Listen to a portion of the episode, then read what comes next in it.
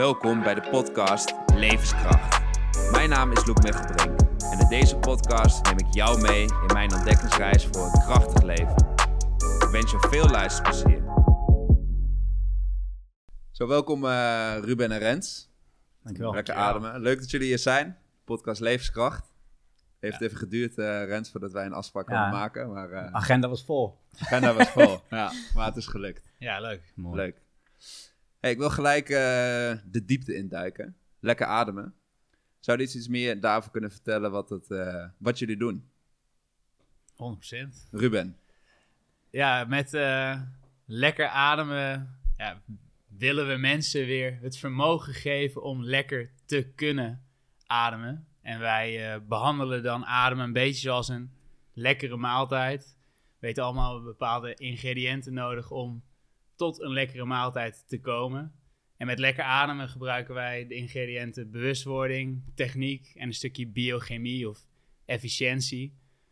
En we willen met die onderwerpen, dus met die verschillende ingrediënten, mensen wat inzicht geven in hoe goed ze nu in staat zijn om lekker te kunnen ademen. Dus we testen ook op al die gebieden, dus op al die ingrediënten, hoe mensen er nu voor staan, zodat ze erachter komen en eventueel bewust worden betrapt, wat veelal het geval is, of vriendelijk worden betrapt, dat dat nog niet zo heel erg goed is. Ehm, en vervolgens gaan we echt ja, een fundament van kennis en ja, praktijk brengen, we, ja, brengen ze bij, zodat ze zelf aan de slag kunnen om het vermogen om lekker te ademen ja, te vergroten. Zodat ze ja, gelukkiger leven of een gezonder leven. Of sommige mensen hun sportprestaties kunnen verbeteren. Het is natuurlijk heel breed. Iedereen ademt. Ehm, maar voor iedereen valt er ook zeker wat te halen op het gebied van ademen. Dus of dat nou is nou, meer ontspannen, dan, eh, dan kan dat het zijn. Maar voor sommige mensen kan het ook zijn, dus hun sportprestaties naar een hoger niveau tillen. Maar het valt of staat eigenlijk allemaal bij het vermogen om te herstellen van stress. En daarbij is ademhaling echt ja, het fundament, als je zo'n eh, piramidetje van Maslow tekent, echt het fundament van die piramide. Want ademen we niet goed, zullen we ook niet echt goed kunnen verteren. Ademen we niet goed, zullen we ook nooit echt het maximale uit onze slaap kunnen halen. En zo geldt het eigenlijk voor alle ja, onderdelen van die eh, herstelpyramide. En focussen wij, wij ons dus met name op eh, echt die bodem daarvan. Nou, dat was de podcast. Hoor. Ja, Mooi, bedankt eh, mannen. Ja, Dat, toch? eh, ja, ik vond het leuk dat jullie er waren. Dus dat, eh, Nee, want ik ben wel benieuwd. Ik was afgelopen weekend toevallig met mijn schoonfamilie in Parijs. En toen eh, kwam mijn zwager kwam naar me toe. En die zei van, ja, die weet dat ik veel bezig ben met gezondheid en vitaliteit, et cetera. En toen kwam hij dus naar me toe van, ja, ik hoorde zelfs dat mensen laatst bezig waren met ademen, weet je wel. Moet ik daar dan ook nog weer op letten? Ik bedoel, hij is een trainer, is bezig met voeding, et cetera. Ja. Maar Rens, zou, zou je eens misschien kunnen vertellen wat, als we hem even nog een, een stapje terugbrengen, want Ja. nu hoor ik mensen zeggen ademen, et cetera, dat doen we toch allemaal? ja. Zou je eens dat kunnen toelichten van waarom, het, waarom ademhaling eigenlijk sinds de laatste, laatste jaren zo'n belangrijk ding is geworden in de hele gezondheid, vitaliteitswereld? Ja. Nou, mooie vraag. Ik denk dat iedereen een stukje bewuster bezig is met gezondheid. Eerst was het natuurlijk altijd van, we moeten zoveel mogelijk sporten. Dat was de holy grail. Toen was, nee, slaap is de holy grail. Toen was het voeding. Eh, we zijn ze allemaal al wel eens eh, doorgelopen, denk ik. En eh, ja, uiteindelijk, ehm, waar het voor mij, als ik het soort van persoonlijk maak, waar ik zelf heel erg merkte van, hé, ik blijf toch met bepaalde gedachten of ongemakkelijke gevoelens, je lichaam die niet echt lekker kan ontspannen, niet goed kunnen slapen, niet goed je eten verteren, terwijl je wel de beste voeding een soort van tot je neemt. Dus uiteindelijk gaan kijken naar van hey, welke belangrijke puzzelstukje mist daar eigenlijk. En ik denk dat zelf, andere mensen zelf ook dat stukje bewustzijn een soort van eh, eh, hebben gevonden, is dat een hele belangrijke pilaar in die drie, hè, dus de, de, de pilaren van herstel, dus je slaap, voeding en ehm, eh, drinken, water hebben we natuurlijk ook nodig, ehm, is ademhaling. Je, je ziet gewoon dat eigenlijk op al die vlakken de ademhaling een hele grote en belangrijke rol speelt. Ehm, en om je vraag, op je vraag terug te komen van waarom zijn mensen nu in één keer dan eigenlijk het inzicht, krijgen ze het inzicht van hey, waarom is ademen zo belangrijk? Mooie vraag. Ik denk dat een aantal jaar geleden het heel erg mindfulness was, meditatie. Daar was iedereen heel erg mee bezig. En eigenlijk heeft het heel veel raakvlakken. Dus als je kijkt naar Ehm, als ik mijn ademhaling verleng, als ik mijn ademhaling vertraag, dan eigenlijk ontspant een systeem beter. En kan ik eigenlijk uh, veel meer ontspannen de dag doorgaan. Dus daarin heeft het een heel groot raakvlak met mindfulness. Dat heeft natuurlijk al een grote uh, populariteit, denk ik, gehad. En dat vlakte toen weer een beetje af. En toen zag je inderdaad eigenlijk van, hey, ademhaling komt heel erg op. Omdat we aan de ene kant heel erg... Mensen van deze tijd willen alles kunnen onderbouwen met wetenschap. Uh, en eerst was ademhaling echt zo van... Nou, was het alleen voor de spirituele mensen, zeg maar, weggelegd. Zo van, ademhaling is een klein beetje ja, woe-woe en uh, uh, ja, meditatie, ja, oké, oké. Okay. Nou, toen op een gegeven moment kwam er steeds meer science naar voren toe, waar je eigenlijk dacht van, je kan eigenlijk niet eens meer omheen dat uh, ademhaling gewoon ontzettend belangrijk is. En ik denk dat mensen, in, vooral in de westerse wereld, gewoon een stukje bewijs nodig hebben. Um, ja, en dat bewijs ligt nu overal op tafel, dat ademhaling gewoon essentieel is in, in ons leven, in ons herstel. Om het vermogen om, uh, om in stressvolle situaties om te kunnen gaan, om, uh, ja, om lekker in je vel te zitten. Um, ik denk dat dat het belangrijkste is. Dat we, we willen gewoon feiten. En uh, de feiten zijn er nu gewoon, die liggen op tafel. Het onderzoek is gedaan en er wordt steeds meer onderzoek gedaan. Dus ik denk dat we onze, de komende jaren nog wel onze borst nat kunnen gaan maken. Dat, dat, dat het overal echt duidelijk gaat worden. En dat vind ik alleen maar mooi. Ik vind het hartstikke mooi dat, dat iedereen die weg van van bewustzijn is ingeslagen. Niet alleen maar bewustzijn van, hey, wat doe ik hier op deze aarde? Weet je, meer de, de, de wat grotere vragen in het leven. Maar ook gewoon, hey, hoe ga ik echt bewust werken aan mijn gezondheid? Niet alleen maar uh, hard sporten of gezond eten. Um, maar hoe ga ik op een diepere laag, zeg maar, echt werken aan mijn, uh, aan mijn gezondheid? En hoe kan ik connecten met de mensen om me heen? En daarbij speelt ademhaling gewoon een ontzettende belangrijke rol. Ja. Nou. Ja, en ik denk dat de groei in stresservaring ja. in de laatste jaren. Die speelt een onwijs belangrijke rol. Want iedereen, of je nou wel of niet bewust bent van je ademhaling, weet dat als je heel gestrest bent, dat je sneller en oppervlakkiger gaat ademen. En steeds meer mensen lopen tegen de lamp aan. Als je naar de cijfers, burn-outs, depressies, et cetera gaat kijken, die zijn geskyrocket. En dat is wel hand in hand gegaan met ja, het mega grote effect van ademhaling op die klachten. Ja, daarom is het meer in de aandacht gekomen. En zeker met, uh, we hebben een, een, interessante tijd gehad met uh, COVID, waarbij uh, je ademhaling ook flink ontregeld mm. ja, kon raken. Tijdens, maar ook na de ziekte. En die heeft ook zeker wel bijgedragen aan de boost van het ademhalen. En in dit rijtje hoort, wat mij betreft, ook zeker Wimpy. Want die heeft ja, ja, wereldwijd natuurlijk knijterhard gewerkt om het ademhalen ja, een belangrijke plek te geven. Dus ik uh, denk dat het die drie-eenheid, dat, uh, dat wel is uh, waarom ademhalen ineens ja, mainstream aan het worden is. Of misschien al wel is geworden. Ja.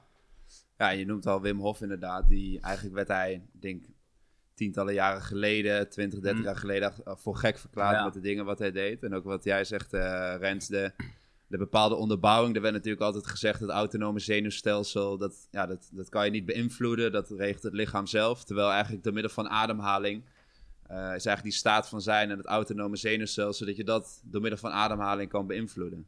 Ja, en tot best wel diepe niveaus. Dus wat Wim heeft laten zien, wij het dan uitleggen. Je kunt met ademhaling heb je gewoon het vermogen om te schakelen tussen stress en ontspanning. Dus jou kunt je zenuwstelsel reguleren door middel van het ademen. Dus adem ik op een bepaalde manier, dan ga ik mij zo voelen. Dus adem ik heel snel en oppervlakkig, ga ik mij gestrest voelen. Maar ook andersom, ben ik gestrest, ga ik oppervlakkig en snel ademen. Met ontspanning, nou, dan zul je meer focus hebben op uit, veel rustiger, trager. En andersom, ben ik ontspannen, gebeurt dat automatisch. Dus het is een beetje een wisselwerking tussen die twee. Maar daar kun je natuurlijk zelf ook in gaan sturen. Wat een ja, mega krachtige tool is. Maar stress, wat is dan stress? Stress is iets wat jou in staat stelt om een potentieel gevaarlijke situatie te overleven. Dus je lichaam gaat aanstaan, ready om dingen te doen. Dus het onttrekt bloed uit je darmen, meer naar je spieren om in actie te kunnen komen. Maar bijvoorbeeld ook, wat is niet heel handig, in een hele gevaarlijke situatie is bijvoorbeeld ziek worden. Want dan heb je sowieso een gigantisch probleem. Als dat dinootje achter jou aan zit en je wordt ook nog ziek, dan ben je kansloos. En wat Wim heeft laten zien, onder andere met zijn ademhaling, is door bewust zichzelf te activeren naar zo'n fight-and-flight state of naar dat sympathisch zenuwstelsel, dat hij daarmee niet ziek werd zodra ze bij hem een ziekte inspoten. En dat is natuurlijk heel zinvol, uh, maar je moet ook de andere kant op kunnen bewegen. en daar, daar zit dan, het, als je het hele plaatje van ademen compleet maakt, is weten op welke momenten je welke kant op moet bewegen. Dus heb jij een tekort aan stress, wat ook kan. We hebben natuurlijk allemaal een mening over stress. En stress krijgt veel uh, ja, bullshit over zich heen. Dus je veel in een negatief daglicht gezet. Maar we weten ook allemaal dat als we dat proefwerkje moesten maken, of dat werkstukje moesten maken, of nu nog steeds deadlines hebben op werk, ja, dat een beetje stress wel lekker is om, ons, om het werk echt gedaan te krijgen. En dat kun je ook met ademhaling opzoeken.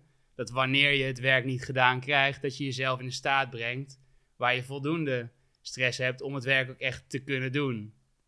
Maar andersom ook, hebben we te veel mhm. stress en zit ik daar met zo'n trillend handje mijn proefwerkje te maken, kan ik ook zorgen dat ik mezelf naar beneden, reguleer om wel een goede prestatie te leveren. En daarin heeft Wim inderdaad uh, mooi werk gedaan. En dat zie je nu. Dus op dat immuunsysteem uh, heeft hij dat aangetoond. Maar ook met klanten. Ik heb veel met uh, ja, stressgerelateerde klanten gewerkt. Waar je gewoon enorme tekorten zag in hun bloedwerk. En dan heb je het over dus het opnemen van je voeding. Terwijl dat eten maar ik, ik hou al van een uh, koekje en snoepje. Ik moet eigenlijk zeggen, mijn vrouw vooral houdt heel erg van en daardoor ik ook. Die van mij ook. Ja. Geef die maar de schuld. maar uh, dat, zij aten perfect, maar toch zag je dat die bloedwaarden niet oké waren. Omdat hun ademhaling zo ontregeld was door langere periodes van stress. En ze dus niet in staat waren om nog op een ontspannen manier te ademen. Want ademen doe je uiteindelijk onbewust. En dat valt of staat dus bij ja, de ingrediënten die wij er dan aanhangen. Kun je technisch nog oké ademen? Heb je nog de juiste afstellingen in je brein qua ademprikkel? En als dat niet zo is, dan kom je gevangen in zo'n stressvolle manier van ademen. Dus dan zul je thuis op de bank met je burn-out misschien wel 30 keer per minuut ademen. Maar dan is jouw fysiologie ook vol aan de kant van dat dinootje achter je aan. Dus hartslag is wat hoger, bloeddruk is hoger, bloed gaat naar je spieren en dus niet naar die organen. Waardoor je alsnog met je perfecte hersteldieet niet kunt herstellen. Want er gaat geen energie naar herstel als je denkt in gevaar te zijn. Nou, en dat is wel echt een, uh, ja, een krachtig iets in deze tijd, denk ik. Dus wat jullie eigenlijk doen, hoe, hoe de meeste mensen het wellicht zien van oké, je, bent gestrest en daardoor ga je sneller ademhalen, et cetera. En jullie draaien hem eigenlijk om van oké, we focussen eerst op je ademhaling en daardoor kun je juist je staat van zijn veranderen. Klopt dat? Een mooie samenvatting. Ja. ja, nou, dan zijn we er. Ja. Je krijgt heel druk de komende tijd. Dus als je nog uh, een extra baantje zoekt, dan uh, mag je zeker uh, af en toe eens aanschuiven ik ben benieuwd, uh, Rens. Ehm, want wat is dan bijvoorbeeld een, een voorbeeld van zo'n zo'n ademhalingsoefening? Wat, voor dingen, hoe, hoe, hoe, moet ik me dat voor me zien? De dingen wat jullie nou, bijvoorbeeld doen tijdens een sessie? Als je bijvoorbeeld kijkt naar uh, uh, het tweede ingrediënt, techniek. Als je puur gaat kijken hoe werkt een inademing. kun je gaan kijken naar van, hey, ben ik wel in staat om technisch gezien goed te kunnen ademen? Dus hoe functioneert mijn diafragma, mijn middenrif?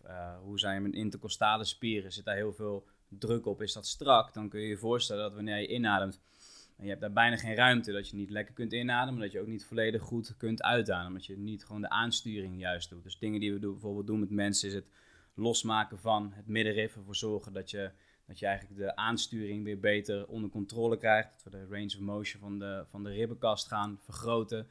kunnen we een aantal oefeningen doen om helemaal diep in te ademen, helemaal diep uitademen. Net als bij trainen wil je zien, als je een spier sterker wilt maken, moet je hem op de volledige range of motion bewegingsuitslag bewegen. Dus dat wil je ook met je, met je middenrif. Ehm, uiteindelijk, als je hem dan losgemaakt hebt, geactiveerd hebt, wil je natuurlijk oefeningen gaan doen waardoor je er meer controle over krijgt. En hoe langzamer jij kunt uitademen. Dus je kunt je voorstellen als iemand een heel eigenlijk vast uh, en een soort van verkrampt diafragma heeft. Op het moment dat jij inademt, en je ademt uit, dan is in één keer die hele lucht weer weg. Als we kijken naar ons middenrif is het eigenlijk een soort van paraplu. Op het moment dat je inademt, dan komt hij naar beneden, dan spant hij aan. En dan gaan eigenlijk de ribben wat naar buiten toe. Op het moment dat jij dus geen controle hebt en je ademt uit, ben je in één keer al je lucht weer kwijt. Dus je kan je voorstellen door simpelweg te oefenen om heel rustig aan uit te ademen, dat je dus weer meer controle krijgt over die spier. Dus bijvoorbeeld als je ook naar je, uh, naar je neus kijkt ten opzichte van je mond, is je mond gewoon veel groter en kan je veel meer lucht in één keer naar buiten blazen. Dus dingen die we doen is bijvoorbeeld alternating nostril breathing. Je gaat inademen door rechts, sluit rechts, ademt uit door links. En zo kan je eigenlijk uh, vertragen en ervoor zorgen dat je veel meer controle houdt over, uh, over die belangrijke ademspier, je, je diafragma. waarmee je ook weer je vagus nerven stimuleert, die ervoor zorgt dat jij beter kunt gaan schakelen tussen stress en ontspanning. Zoals Ruben al zei, stress is niet per se slecht. Sterker nog, stress is goed. Anders zouden we allemaal het loodje leggen. We hebben stress nodig om ons lichaam sterker te maken, zowel fysiek als mentaal.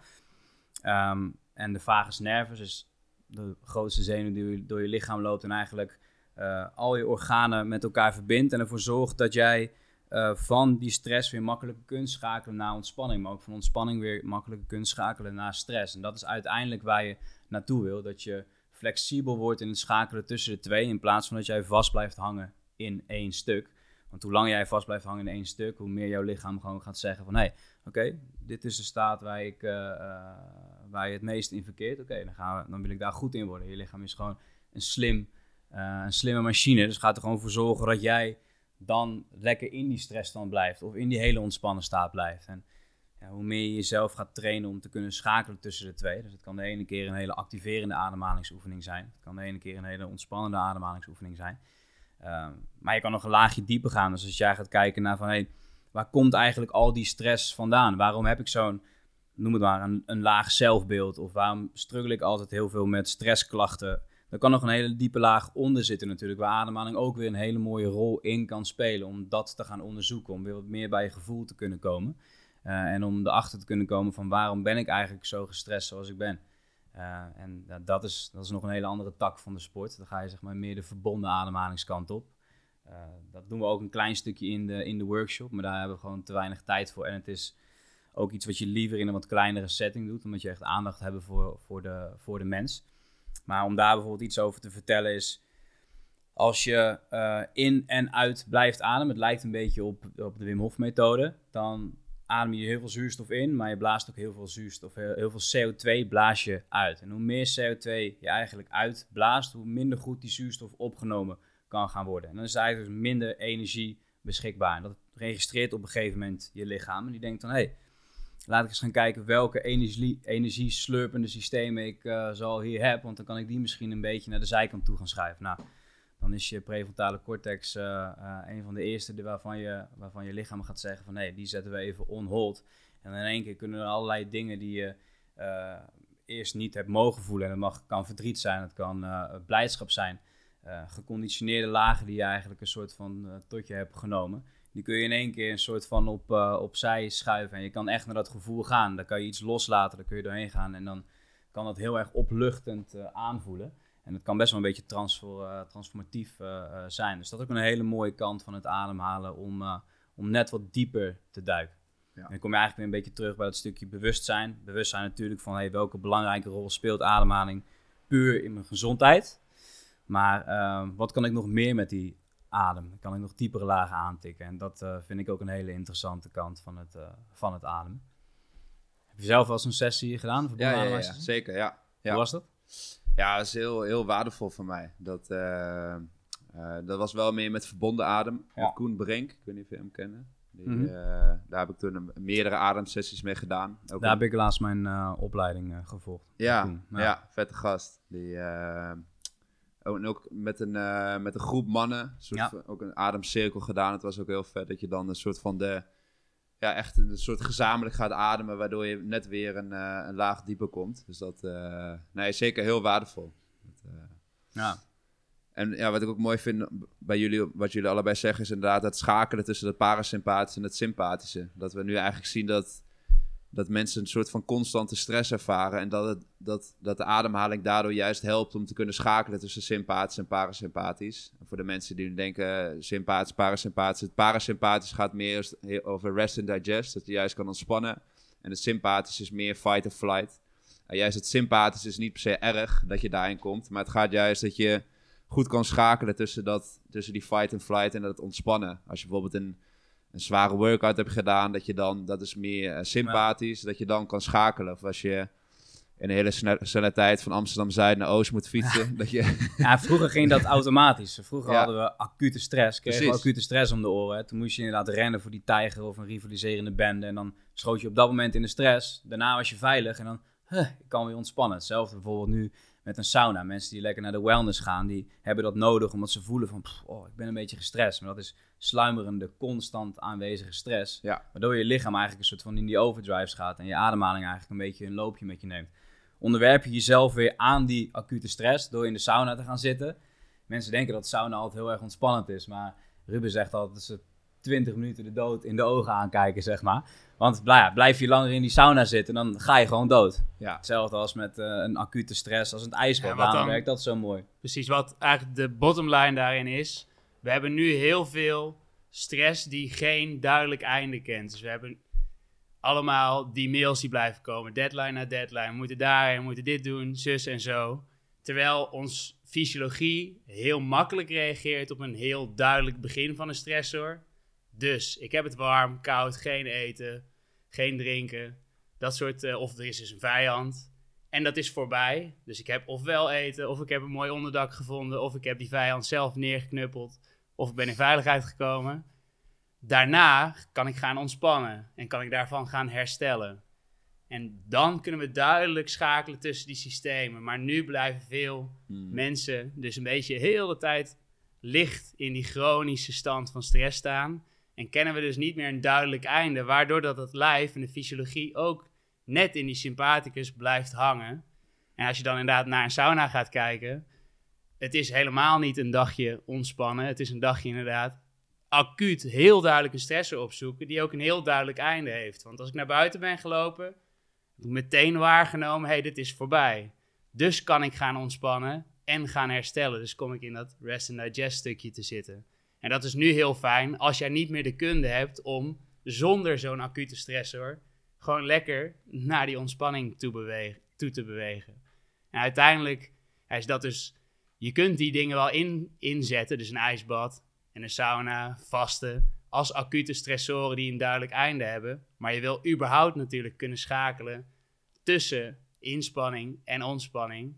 En als jij maar lang genoeg in een chronische staat van stress hebt gezeten, en dan krijg je bijvoorbeeld op het stukje techniek, krijg je een probleem met technisch goed ademen. Want wat gebeurt er als we gestrest zijn? Spierspanning gaat omhoog.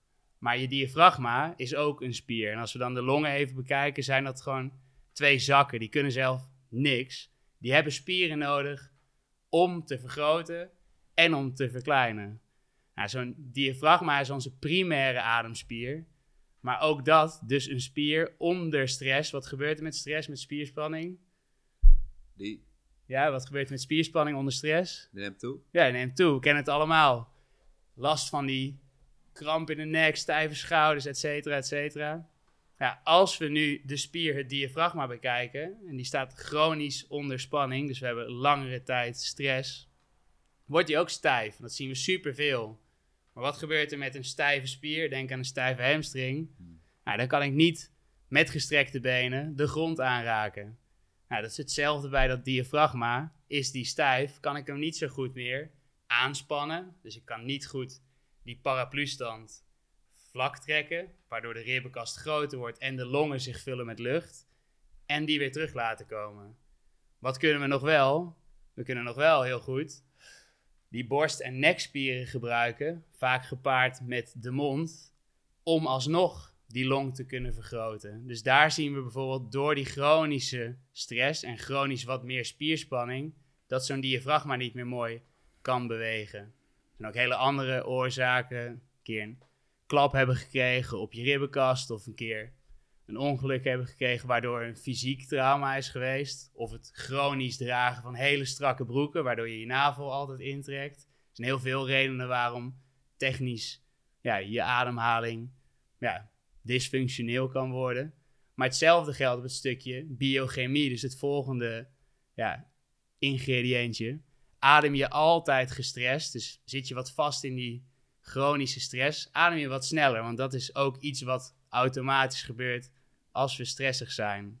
En als we dan naar ons brein gaan kijken, ademen we, krijgen we een ademprikkel, niet op basis van zuurstof, maar op basis van CO2. Want we hebben een gezond mens 98, 99% zuurstof in het bloed. Zoals we dat nu meten, hebben we dat uh, als goed is alle drie. Maar als we nu onze adem gaan inhouden, op een gegeven moment krijgen we dat gevoel, nu moet ik ademen. En op dat moment heb je waarschijnlijk nog steeds misschien wel 97% zuurstof in je bloed. Dus dat is helemaal niet de limiterende factor, maar het is de hoeveelheid CO2 die jij kunt tolereren. Want bij het vrijmaken van energie uit zuurstof ontstaat er, nou ja, dus ATP, dat is onze bron van energie, dat kennen we. Maar ook CO2, en die gaat dus oplopen. Nou, bij een bepaalde hoeveelheid krijg jij een belletje van: hey, ik moet ademen. Maar wat gebeurt er als we chronisch snel ademen? Dan wordt dat belletje steeds iets lager afgesteld. Want een gezond adempatroon is eigenlijk niks meer dan inademen, uitademen en even pauze. En in die pauze loopt die CO2 dus op tot een bepaald niveau. Belletje gaat af, ik wil weer ademen. Als ik nu niet meer van in, uit, pauze, in, uit, pauze, maar ik kom in een stressvolle periode van mijn leven te zitten door het overlijden van iemand, of ik ga uit elkaar, of werkstress, en ik ga naar in, uit, in, uit, in, uit, dan heeft die CO2 dus niet zoveel tijd om op te lopen. Waardoor die drempel, gewoon hardware-software verhaaltje, steeds iets lager wordt. Ons lichaam, kennen we inmiddels ook allemaal wel, use it or lose it kom ik nooit bij die waarde van CO2, stelt mijn brein de waarde gewoon naar beneden bij, tot het punt waar ik hem wel gebruik. En dat zie je dus bij heel veel mensen die om welke reden dan ook langere tijd in die sympathicus hebben geleefd, dat die CO2-tolerantie lager is geworden. En op een gegeven moment raak je gevangen in een snelle ademhaling. Dus kom je dus op ademhalingsfrequenties van 20, 30 keer per minuut als iemand onbewust op de bank lekker probeert te ontspannen. Dat is dan ook echt hetgene wat ze aan het doen zijn in hun hoofd. Maar is iemand fysiologisch aan het ontspannen bij een ademfrequentie van 20 plus? 100% niet. Dan is sowieso, gaat er heel veel bloed naar je spieren. Sowieso maak je heel veel energie vrij. Omdat dat gewoon wired is in je fysiologie. Dus is dat niet oké, zul, je, ja, zul je nooit echt goed kunnen herstellen van die burn-out waarvan je wellicht thuis zit. Of van die workout die je net hebt gedaan. Dus uh, het is echt wel een hele belangrijke speler in dat, uh, in dat verhaaltje. en dit zijn twee heel veel voorkomende uh, facetten die je dus remmen in ja, jouw vermogen om te herstellen. Maar dus ook om echt te participeren in het leven. Want als je dus het ook beetje buiten allemaal alleen maar herstel en fysieke dingen trekt, willen wij ook kunnen verbinden met elkaar. Dus mooie, waardevolle relaties hebben. Maar wanneer we een mooi gesprek hebben met elkaar, moet je ook echt kunnen luisteren naar iemand. En ik denk dat iedereen, mag niet voor mezelf spreken, ben ik druk en stressig, dan heb ik heel veel moeite om een gesprek echt te volgen. Dan dwaal ik af in mijn hoofd. Dan, ja, jezus, waar heeft de gasten eigenlijk over? Zit ik op een gegeven moment, dan ben ik al heel ergens anders omdat we dan die ruimte niet hebben om echt te voelen. Wil je echt ja, bij jouw emoties komen, moet je meer in die parasympathicus zitten. Dus ook op dat gebied van je leven, wat ook echt voorwaarden zijn om gezond en gelukkig te zijn, ja, is het vermogen om rustig te kunnen ademen, wat om ja, de reden die ik net heb genoemd soms verloren gaat. Ja, ja, word je ook minder goed in ja, het opbouwen van die waardevolle relaties. Of het echt luisteren naar iemand. Of het luisteren naar jezelf natuurlijk. Want ook je eigen emoties kun je veel beter waarborgen en waarnemen. Wanneer je in die uh, rustigere staat van zijn bent. Ja. Mooi. Ja, ik denk dat mijn zwager nu uh, overtuigd is. Die denkt van ja, hier, uh, hier wil ik wat mee. Dat ademhaling, dat, ja, dat, dat, dat, dat trekt me wel. En hij is ook wel bezig met gezondheid, van het crossfit, et cetera. Maar wat is nou als hij, hij, nu luistert en hij denkt van... hé, hier wil ik wat mee. Wat zou bijvoorbeeld dan één praktische oefening kunnen zijn... Waar hij, wat hij nu kan gaan doen om juist die switch te maken van... hé, ik zit juist in dat sympathicus of ik heb een lange dag gehad, ik voel me gestrest.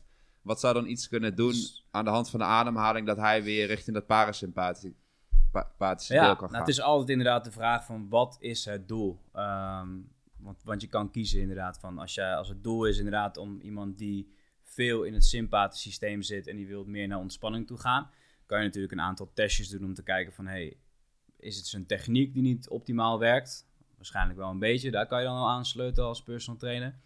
Kunnen we zo wel even hebben hoe.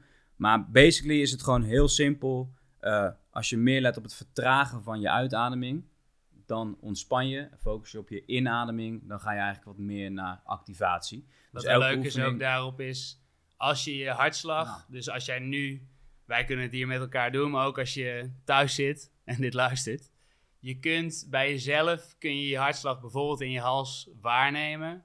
En als jij een paar keer heel diep in en rustig uitademt, dan kun je voelen dat bij elke inademing je hartslag wat versnelt. En bij elke uitademing je hartslag wat vertraagt. Dat is dus al die fysiologie die aan het werk is als jij de focus legt op een inademing, of dat nou hoeft niet eens altijd heel snel te zijn, zul je naar die stresskant gaan, dus naar die sympathicus kant. Dat kan zijn. Maar denk ook aan een hyperventilatie. Er zijn allebei vormen van focus op en in, waarbij we bewegen naar stress. Nou, om dan antwoord te geven op de vraag van eh, je schoonvader. Wat was dat? Zwager. Zwager, Ja, sorry Ja. eh, van je zwager, die wil de andere kant op. Dan willen we juist die hartslag vertragen. En alles waarbij je de focus legt op een uit. En dan is het makkelijkste, maak je uitademing op welke manier dan ook zacht, ontspannen. Maar forceer dat weer niet. Want ga je te langzaam uitademen, en dan krijg je misschien weer dat ademnoodgevoel, wat niet heel eh, ontspannend is. Dus dat is wel de voorwaarde in het vertragen van een uit. En dan zal je systeem vanzelf meegaan. En kom je uit een stressvolle plek, dan kan het prettig zijn om eerst ietsjes sneller te ademen. En dat langzaamaan iets te vertragen. Dus begin met een 4 in, 4 uit. En doe dat een keer of vier. Ga dan naar 4 in, 5 uit. En doe dat een keer of vier. En blijf die uit vertragen, zolang het maar ontspannen blijft voelen. Maar dan hoef je niet in één keer naar van ik ben in mijn Ferrari aan het racen naar ik ga op mijn yogakussen zitten. Dan kun je dat geleidelijk laten glijden en dan voelt dat wat makkelijker. Is dat ook wat makkelijker om richting die ontspanning te bewegen. Dus wil je ontspannen is eigenlijk het enige wat je hoeft te doen is vertragen van de uit. Als je het heel erg plat slaat. En is het daarbij ook nog belangrijk om te letten op neus- of mondademhaling? Ja, zeker. Eh, het liefst wil je door je neus inademen. Eh, maar bijvoorbeeld met een uitademing, iemand die nog niet zoveel controle heeft over de uitademing, kan je zeggen van nou, ik gebruik mijn mond om het gat nog kleiner te maken, waardoor ik eigenlijk als een soort van rietje uit kan blazen, waardoor je gewoon weer meer controle hebt en je uitademing meer kan verlengen. Daarom is ook een mooie die alternating nostril breathing, omdat je eigenlijk de weerstand waarmee de lucht eruit kan en erin kan eh, vergroot, waardoor je je adem nog meer kan vertragen. Uh, dat is een mooie. Ja, het is dus met name de grootte van de uitgang waar je mee Hmm. kunt spelen. Want we weten allemaal als we een, eh, een volle concertzaal leeg willen laten lopen door één klein deurtje, duurt dat heel lang. Nou, dat is eigenlijk een klein, kleine opening, bijvoorbeeld je neusgat aan één kant dichtzetten of een heel klein gaatje tussen je lippen maken, waardoor het makkelijk is om langzaam leeg te lopen. En daarom is het bijvoorbeeld heel moeilijk om met wagenwijd je mond open langzaam uit te ademen. Dat is een hele grote uitgang, dus ben ik binnen no time leeg. Dus je kunt gaan spelen met de weerstand op de lucht om uit te ademen. En die weerstand wordt steeds groter naarmate de exit iets kleiner wordt. En dat kun je dus met je neus doen, maar dat kun je ook purposeful met je mond doen. Maar hummen, chanten, iets wat je ook heel veel ziet bij oude geloven en bij kiddies op school, is ook een manier waardoor je je keel een beetje dichtknijpt. En ook weer die weerstand op de, uitga ja, de uitgang, eigenlijk de exit, verhoogt. En het makkelijker maakt om langzaam uit te ademen. Dus dat zijn de makkelijkste tools waar je mee kunt spelen om, uh, om te vertragen. Maar in het normale leven, eigenlijk neus in, neus uit, altijd de beste vorm. Want als je onbewust door je mond uitademt, is dat vaak niet door een heel klein gaatje. Dat is vaak gewoon door je hele wafel. En dan ben je dus heel snel leeg. En dan zul je dus ook sneller uitademen. En als we dan weer naar dat verhaaltje van die hartslag van twee minuten geleden gaan, zul je dus waarschijnlijk minder ontspannen zijn dan op dat moment zou kunnen.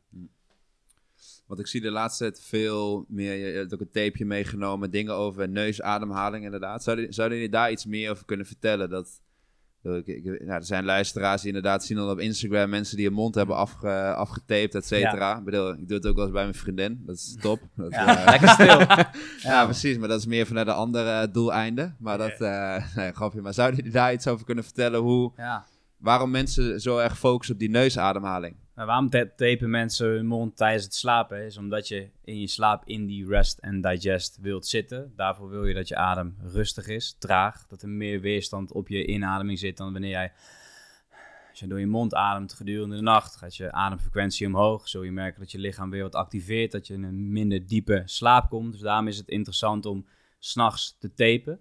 Eh, dat je er eigenlijk voor zorgt dat je eh, in een veel ontspannendere staat komt door je ademfrequentie te vertragen. En daarnaast ook, eh, als je door je mond uitademt, verlies je al tot 40% meer vocht. Dus veel mensen die s'nachts of s ochtends wakker worden en denken van... Ik heb een beetje een droog mondje. Kan heel goed zijn dat je s'nachts door je mond hebt geademd. Het is 100% zeker dat je dat Ja. door je mond hebt geademd. of, je, of je hebt bijvoorbeeld alcohol gedronken, daar droog je natuurlijk ook een beetje vanuit. Maar eh, de kans is heel groot dat je door je mond hebt geademd. Eh, en dat wil je gewoon niet, wil jij optimaal uitrusten. Eh, daarnaast, eh, door je neus te gebruiken, activeer je je middenrif, je diafragma. En hoe meer jij je diafragma activeert, hoe meer die vagus nervus, die belangrijke zenuw die jou kan laten schakelen tussen dat sympathisch en parasysteem, ehm, ja, activeert. En dat zijn allemaal hele mooie dingen die je door je neus wel hebt en je mond heeft dat absoluut niet. Je mond is in principe om te praten en om te eten. En om eh, ja, echt in de uiterste gevallen nog een beetje lucht mee te happen. Als je echt denkt van hé, nu, moet ik, eh, nu moet ik het waffeltje open doen, dan kan je hem gebruiken. Maar eigenlijk gewoon 99% van de tijd wil je dat doen door je neus. Ja, voor het slapen ja, zijn dus de dingen die Rens net noemt. Maar ook eh, snurken, probeer het maar eens met je mond dicht te doen. Dat is vrij lastig. Dus heb je een partner die snurkt, ga je en zijn eh, kwaliteit van zijn slaap flink vergroten, maar ook die van jezelf. Want dan wordt het een stuk minder, eh, minder luidruchtig in de slaapkamer. Dus we krijgen ook na workshops letterlijk mailtjes terug van... hey, eh, we slapen weer op één kamer, zeg maar. Van mensen die om die reden de kamer hebben verlaten.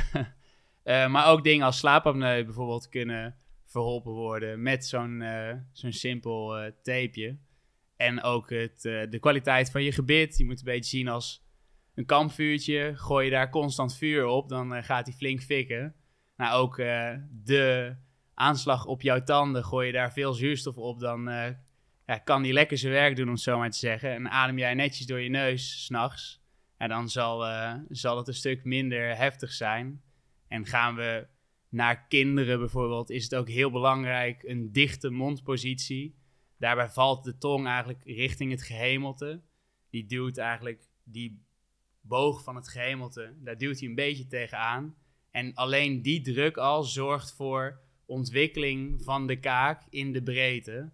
En dat is iets wat in de laatste paar honderd jaar best wel problematisch is geworden. Ik heb geen verstandskiezer meer als voorbeeld. Maar met mij heel veel mensen niet. En dat komt door eh, en het zachte eten. We zijn heel veel processed dingen gaan eten. We moeten minder hard werken. Waardoor die kaak zich minder de breedte in is gaan ontwikkelen. Maar ook, we zijn veel meer door ons waffeltje gaan ademen. Waardoor die tong niet meer tegen dat gehemelte ligt. En alleen ja, de absentie van die druk van die tong zorgt ervoor dat die kaak zich niet meer volledig ontwikkelt. En we dus ja, steeds meer ook krapte in dat gebit terug zien eh, komen. En zeker mensen die zo'n eh, teruggetrokken kaak hebben, een beetje voorover, die, dat eigenlijk de voortand echt zwaar voor de onderkaak valt. Dat zijn eh, allemaal mondademhalers. Dus het is best wel, eh, ja, Dat is een heel veel... hè? Ja. Mouthbreather. Ja? Ja. Oké. Ja. hoor je wel eens in van die eh, Netflix, eh, Engelse Hmm. Netflix-serie als iemand dan iemand niet mag. Ja, mouth breather. En, Ja.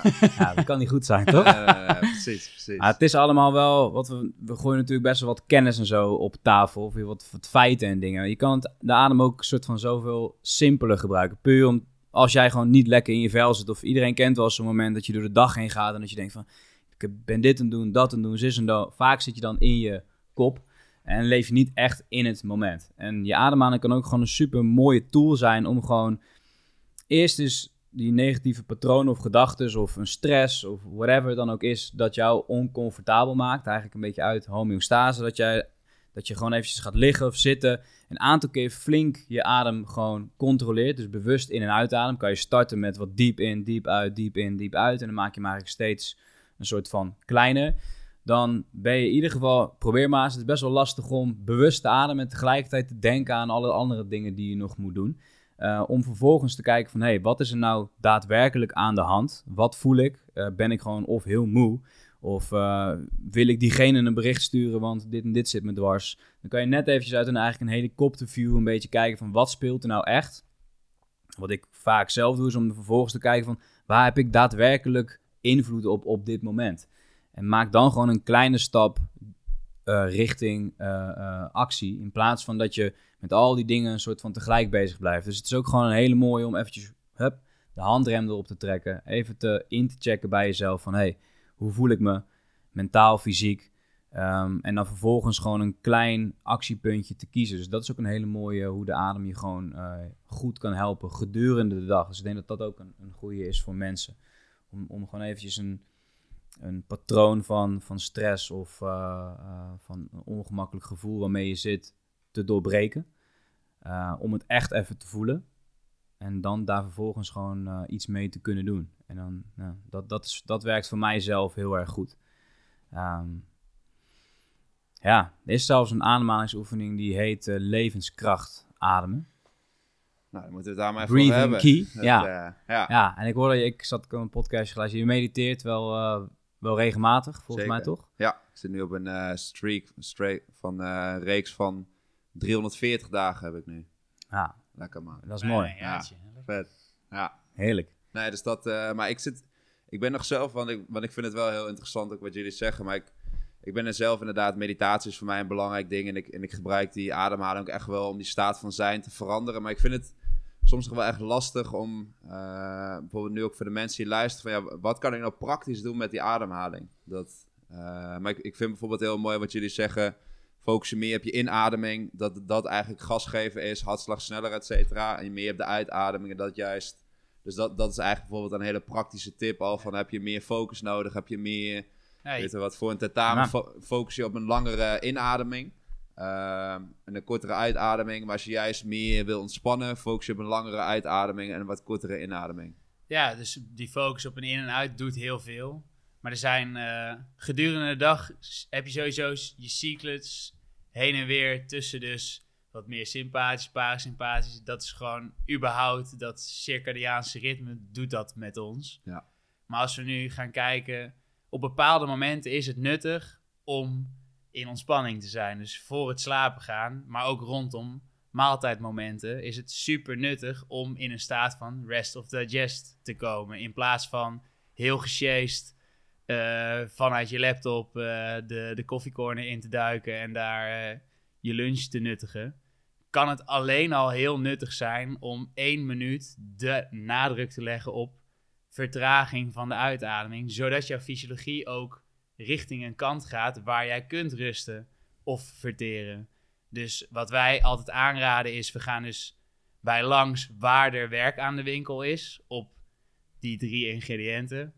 Maar we, gaan, we adviseren ook zeker om bepaalde oefeningen op vaste momenten op de dag te gaan integreren. Zodat voor elk moment van vertering je even, al is het een minuutje, neemt om de ademhaling te vertragen. Wanneer je ochtends wakker wordt, eerst even een minuutje om te vertragen. Zodat je je dag kalm begint. Want als je wakker wordt, ben je niet altijd kalm. Je hebt soms wel onrustig gedroomd. Of eh, dat soort eh, dingen waardoor je toch met een hogere ja, activatie wakker wordt. En een minuutje is daarin al voldoende om... Ja, als, wij, eh, als je kijkt, als ik je nu één minuut laat hyperventileren. Nou, 100% dat, je, dat het wat met je doet.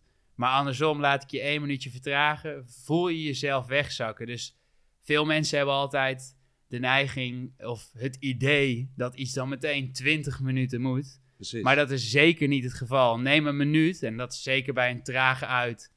Misschien maar drie ademhalingen. dus dat is helemaal niet veel. Maar dat gaat echt uh, wonderen doen. En daarmee train je, als je het dan hebt over diep in en langzaam uit, train je je techniek. Want dan ga je dus je diafragma goed gebruiken en ga je hem leren controleren. Zodat je die score kunt gaan vergroten. Maar is bij jou je biochemie, dus die afstelling, niet zo goed, waardoor je een hele lage CO2-tolerantie hebt, kun je dat beter op momenten gedurende de dag gaan doen, waarbij je wel een klein prikkeltje van stress kunt incasseren. Dus op weg naar je werk, of dat nou wandelend is of fietsend, kun je dan wat hogere vormen van CO2 ja, gaan opzoeken. Door niks anders te doen dan in- en uitademen. En dat hou je constant en normaal. Met een kleine pauze. En in die pauze loopt die CO2 op. En als je dat maar lang genoeg doet, dus in, uit, een pauze van bijvoorbeeld 6 seconden, in, uit, een pauze van 6 seconden, dan zul je een honger krijgen voor lucht. Dus je zult eigenlijk iets meer licht willen ventileren dan je op dat moment doet. En die pauze die is voor iedereen dus anders, want die hangt af van jouw huidige afstelling. Maar als je die eenmaal weet, dan kun je dus bijvoorbeeld op weg naar werk in, uit, zes keer trappen. In, uit, zes keer trappen. En dan ben je dus vijf minuten lang, heb je een beetje dat honger voor lucht gevoel. Wat tolereerbaar is, zonder dat je dieper of sneller gaat ademen. Want als je dat wel doet, dan blaas je die CO2 je systeem weer uit en ben je je prikkel kwijt. Maar als je dit dus doet, zorgt het er wel voor dat wanneer jij gewoon onbewust op de bank gaat zitten en gaat ademen, dat die ademfrequentie langzaam steeds iets trager wordt, omdat dat belletje steeds iets hoger komt te zitten. Dus dat is weer handig om te doen. Niet per se vlak voor een maaltijd of vlak voor het slapen gaan. Want die, dat gevoel van ik heb iets te weinig lucht. Dus niet ik heb echt te weinig lucht, maar iets te weinig lucht.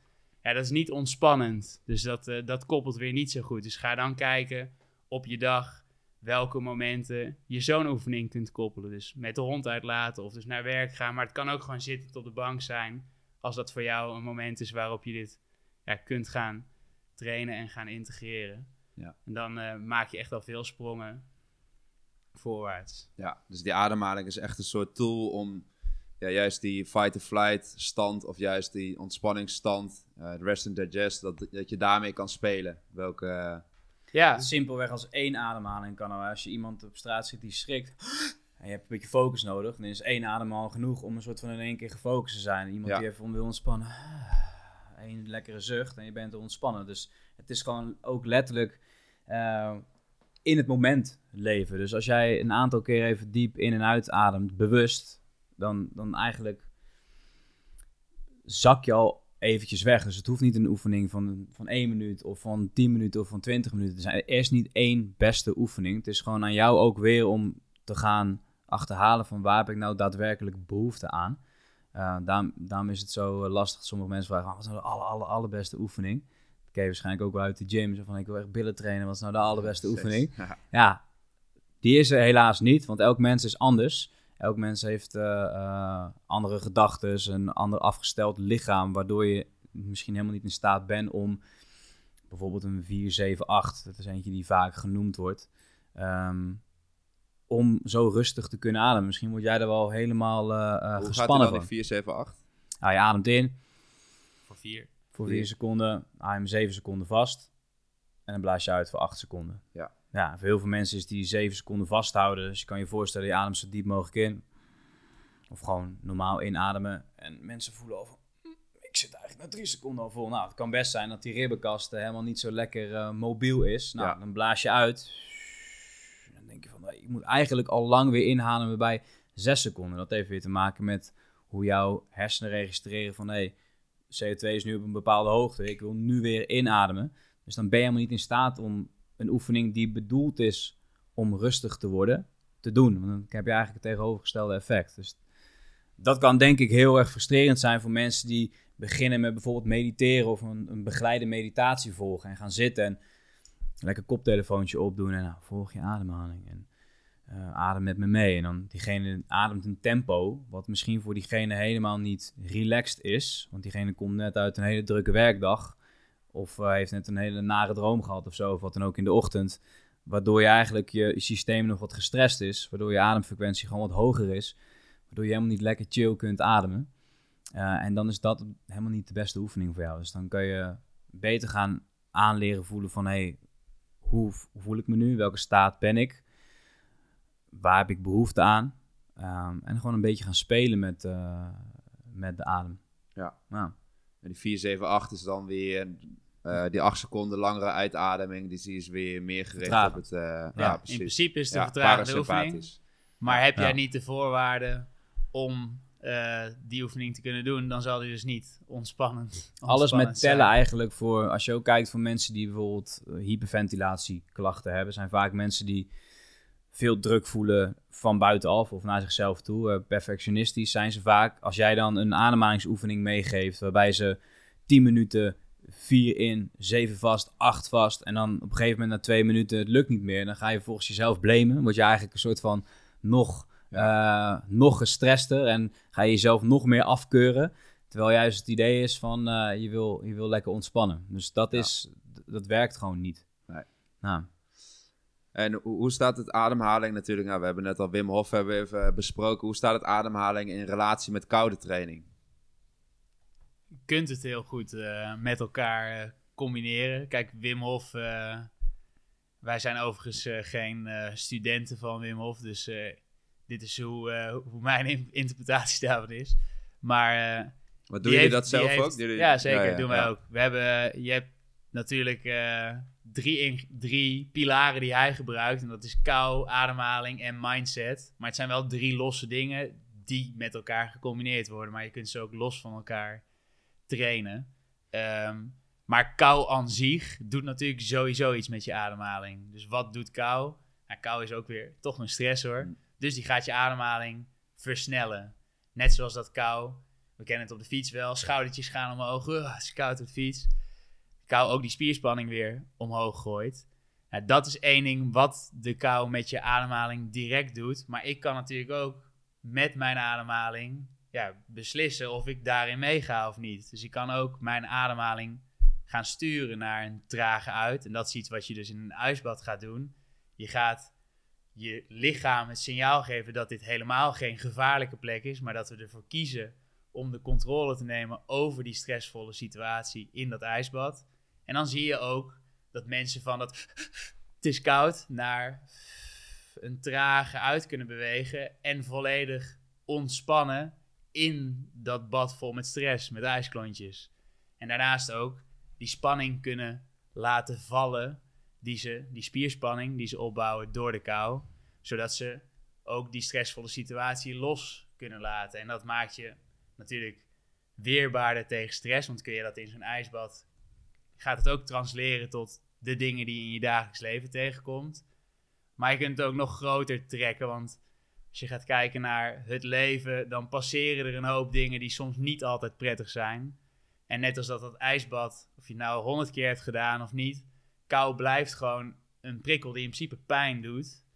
Als je die vast gaat pakken, dan blijft dat dus de hele tijd als jij in het water zit, blijft dat uh, heel vervelend. En dan blijf je letterlijk in die fight modus. Dus je kan of inderdaad uh, gewoon, volgens mij zag ik dat het was een mooi film van Joe Rogan. Die, die vond eerst helemaal niks. IJsbaden, die ging toen voor het eerst een ijsbad doen. Dan had iemand tegen me gezegd van, je moet er 20 minuten in. En uh, ja, dat is het gewoon. De allereerste keer 20 minuten. En toen had hij echt 20 minuten lang echt zo. Uh, echt op karakter. Kan ook. Had hij het gedaan, was hij helemaal uitgeput natuurlijk. Omdat het super veel energie kost. Hmm.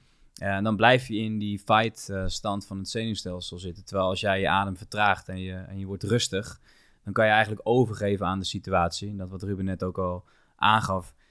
Het leven is niet altijd leuk, soms oncomfortabel of pijnlijk. En het enige wat je eigenlijk kan doen is er doorheen gaan, uh, het ervaren, het voelen. En daarbij kan je adem je gewoon begeleiden door een situatie heen. En Zo niet altijd vasthouden. Zolang je het vast blijft houden, blijft het bij. En je moet eigenlijk leren laten passeren ook. Want dan kan iets ook weer verdwijnen. En dat is ook wel dus een mooie kant van kou.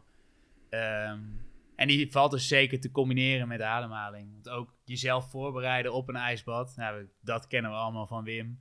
En de Wim Hof methode. Ja, dat zorgt er dus weer voor dat je, die focus is daar weer op en in.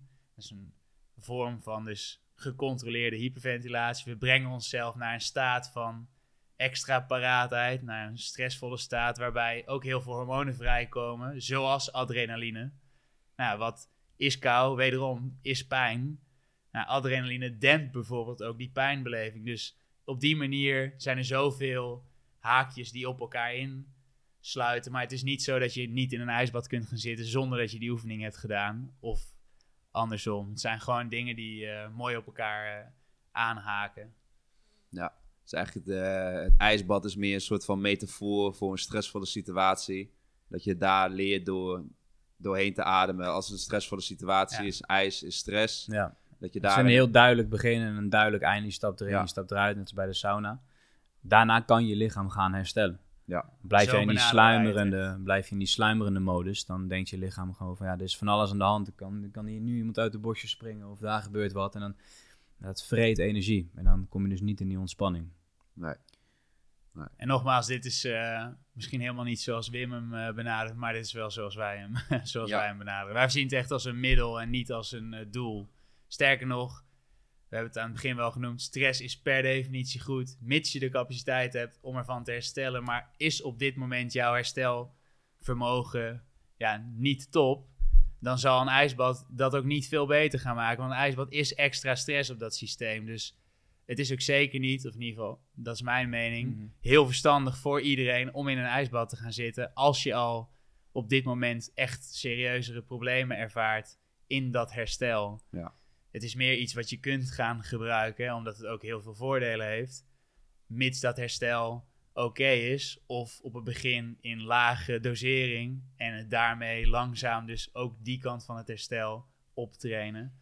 Maar uh, het is zeker niet iets wat voor iedereen een must is. En dat kan, is ademen zeker wel. Ja, het kan wel heel transformatief zijn. Dus als jij iets doet, als jij weinig zelfvertrouwen hebt, een laag zelfbeeld, uh, moeite hebt met dingen loslaten, uh, altijd ergens in vast wil bijten en, uh, en maar gewoon een soort van op karakter dingen wil doen, um, dan kan dat je best wel problemen opleveren in je leven. En het kan ook wel zijn dat een ijsbad je iets gaat leren. Dus inderdaad, als jij hogere waardes van stress hebt en je gaat elke dag in een ijsbad of elke week meerdere keren, ik denk dat jij ook je klanten aan, uh, aanraadt op het moment dat iemand zegt: Ik wil vier keer per week trainen. Maar jij merkt dat diegene super slecht slaapt en super slecht eet. Dan zeg je: Oh, wacht even ga maar een yoga nidraadje doen en dit. Maar dan ga je eerst maar eens een beetje aan je herstel werken. Hetzelfde is met een ijsbad. Je wilt dat niet elke dag of om de dag doen als je herstel niet optimaal is. Het kan wel, als je dat eenmalig een keer doet, heel erg transformatief werken. Doordat je in één keer een boost van zelfvertrouwen krijgt. Je doet iets waarvan je eigenlijk dacht dat je het niet zou kunnen. Je zit twee, drie minuten in een bad. Uh, je voelt je kip lekker wanneer je eruit komt. Dus het kan wel echt een boost zijn voor mensen uh, om vervolgens andere domeinen van hun leven uh, aan te gaan pakken. En om, uh, om eindelijk eens een keer te gaan zeggen van... hé, hey, ik zit al weken in mijn hoofd met van ik moet dit doen. Ik stel het me uit en ik stel het me uit. Dat dit een soort van werkt als, als een instigator voor... Hey, nu ga ik echt er wat van maken, zeg maar, weet je wel. Dat is denk ik ook een hele mooie manier hoe je het ijsbad kan gaan uh, gebruiken en kan inzetten. Maar dan kom je weer terug, als wil je dat weer vaker gaan doen, dan, wil je, dan moet je gewoon weten van hoe werkt het lichaam en hoe kan ik... Uh, uiteindelijk is het energie opmaken. Die mensen voelen zich lekker van sporten, maar je maakt je energie op. Vervolgens ga je herstellen, word je iets sterker. Hetzelfde met een ijsbad. Um, maar weet gewoon uh, in wat voor staat je bent en hoe het met je gaat.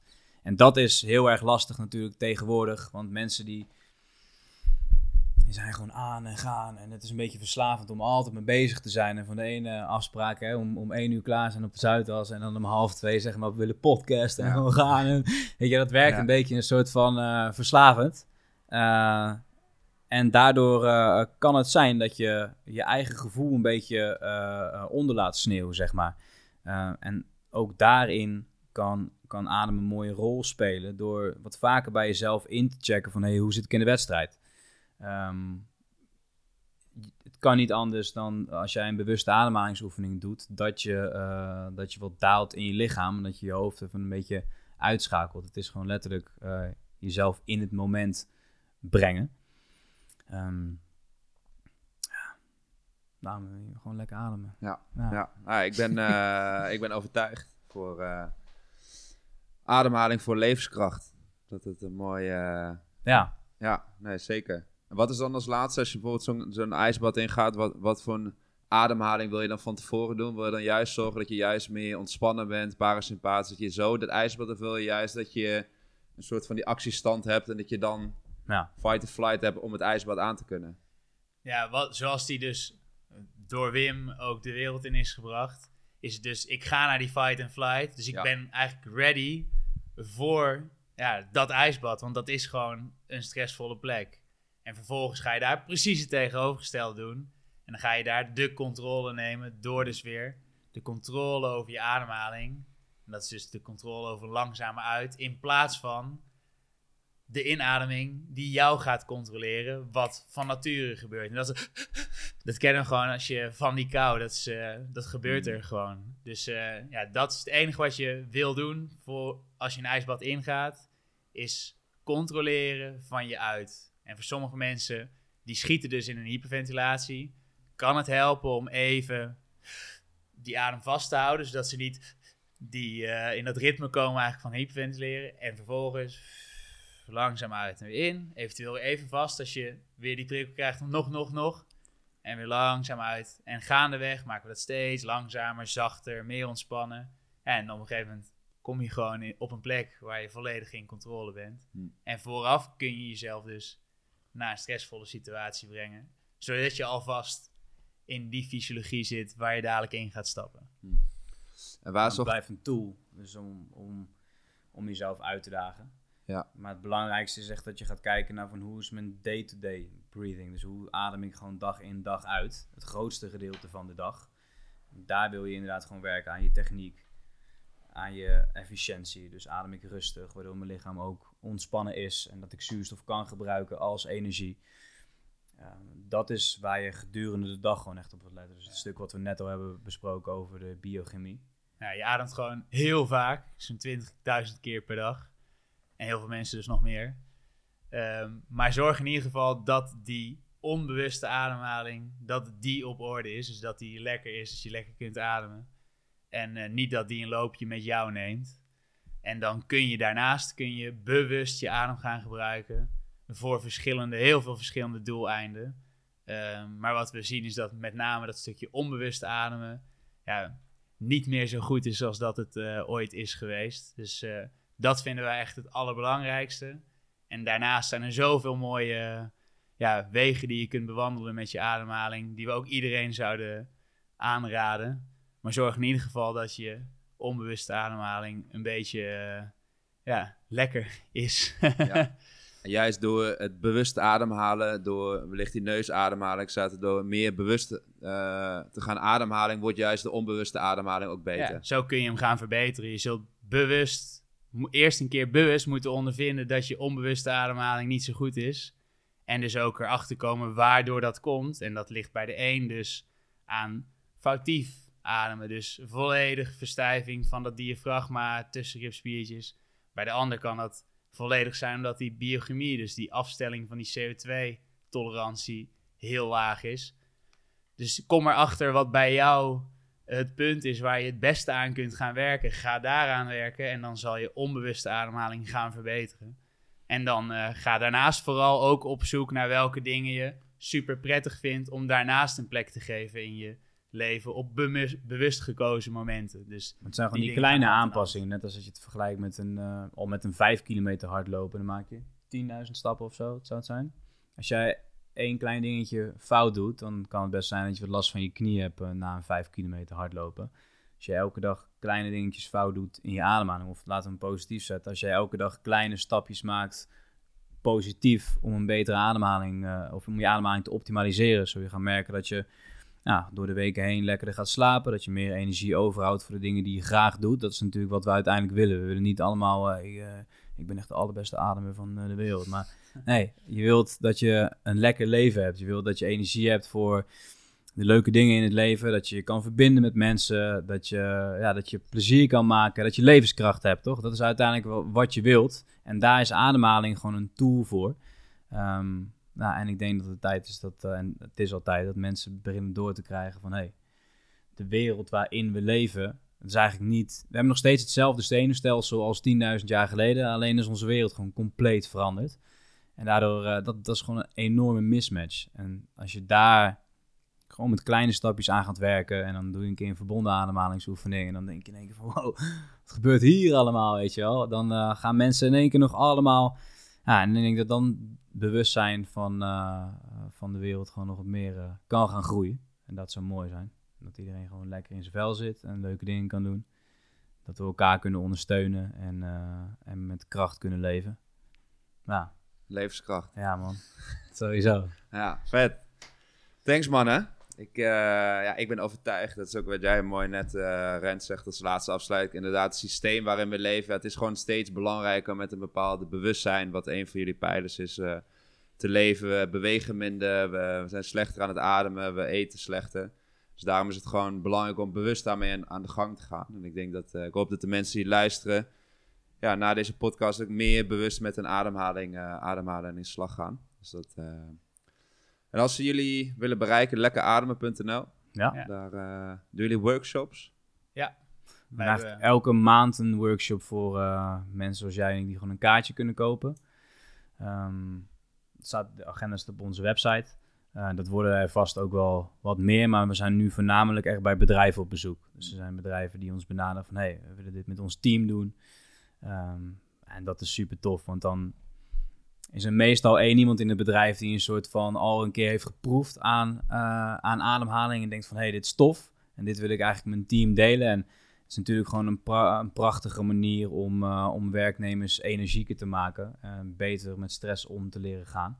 En uiteindelijk productiever te zijn. Dat is meestal de, de, de graadmeter in het, in zakelijk leven. Maar ja, dat, daar speelt hij ook gewoon een hele belangrijke rol in. Dus daar zijn we veel, we zijn veel op de werkvloer bij bedrijven. Maar elke maand kun je, kun je lekker uh, komen ademen bij ons. Hè? Vet. Gaan we doen. Dus lekkerademen.nl, dat uh, nou, is alles te vinden. Ja, zeker weten. Top man. Vond het leuk. Dank, Dank jullie wel. Ja, dat was hem weer, lieve mensen. Ik hoop dat je hebt genoten. Laat even weten wat je ervan vond. En dan spreken wij elkaar snel weer. Maak er een mooie dag van en tot de volgende.